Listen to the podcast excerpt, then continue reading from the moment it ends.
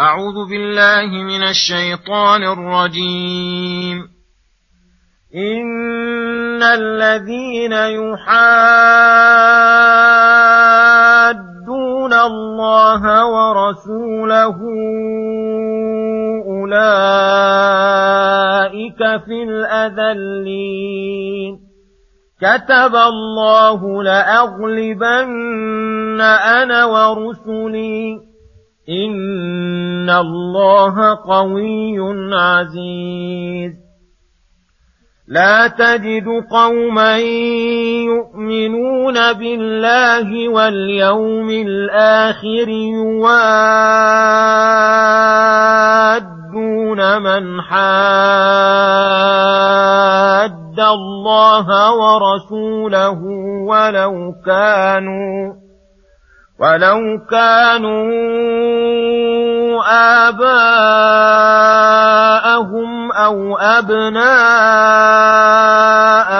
أو إخوانهم أو عشيرتهم أولئك كتب في قلوبهم الإيمان وأيدهم بروح منه ويدخلهم جنات تجري من تحتها الأنهار خالدين فيها. رضي الله عنهم ورضوا عنه. أولئك حزب الله. ألا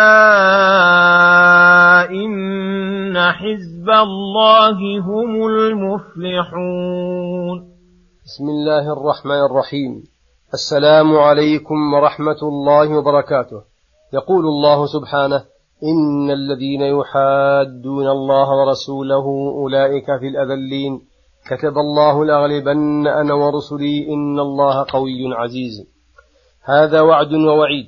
وعيد لمن حاد الله ورسوله بالكفر والمعاصي.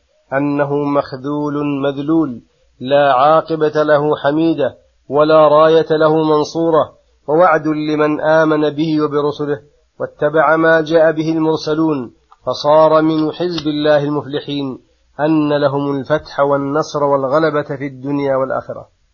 وهذا وعد لا يخلف ولا يغير فإنه من الصادق القوي العزيز الذي لا يعجزه شيء يريده. ثم يقول سبحانه لا تجد قوما يؤمنون بالله واليوم الآخر يوادون من حاد الله ورسوله. الآيات. يقول تعالى لا تجد قوما يؤمنون بالله واليوم الآخر يوادون من حاد الله ورسوله. أي لا يجتمع هذا وهذا. فلا يكون العبد مؤمنا بالله واليوم الآخر حقيقة إلا كان عاملا على مقتضى إيمانه ولوازمه من محبة من قام بالإيمان وموالاته وبغض من لم يقم به ومعاداته ولو كان أقرب الناس إليه. وهذا هو الإيمان على الحقيقة الذي وجدت ثمرته والمقصود منه.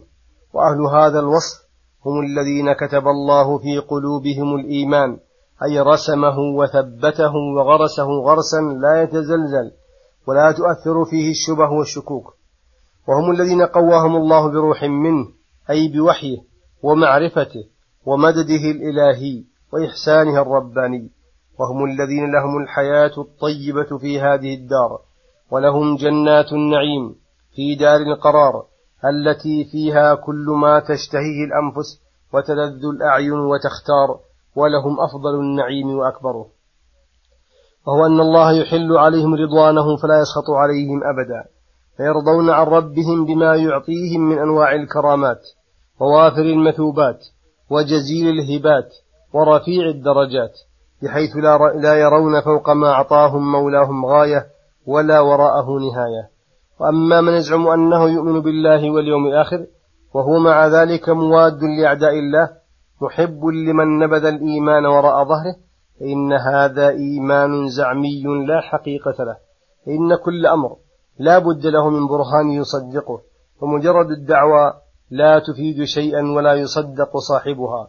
وصلى الله وسلم على نبينا محمد وعلى آله وصحبه أجمعين.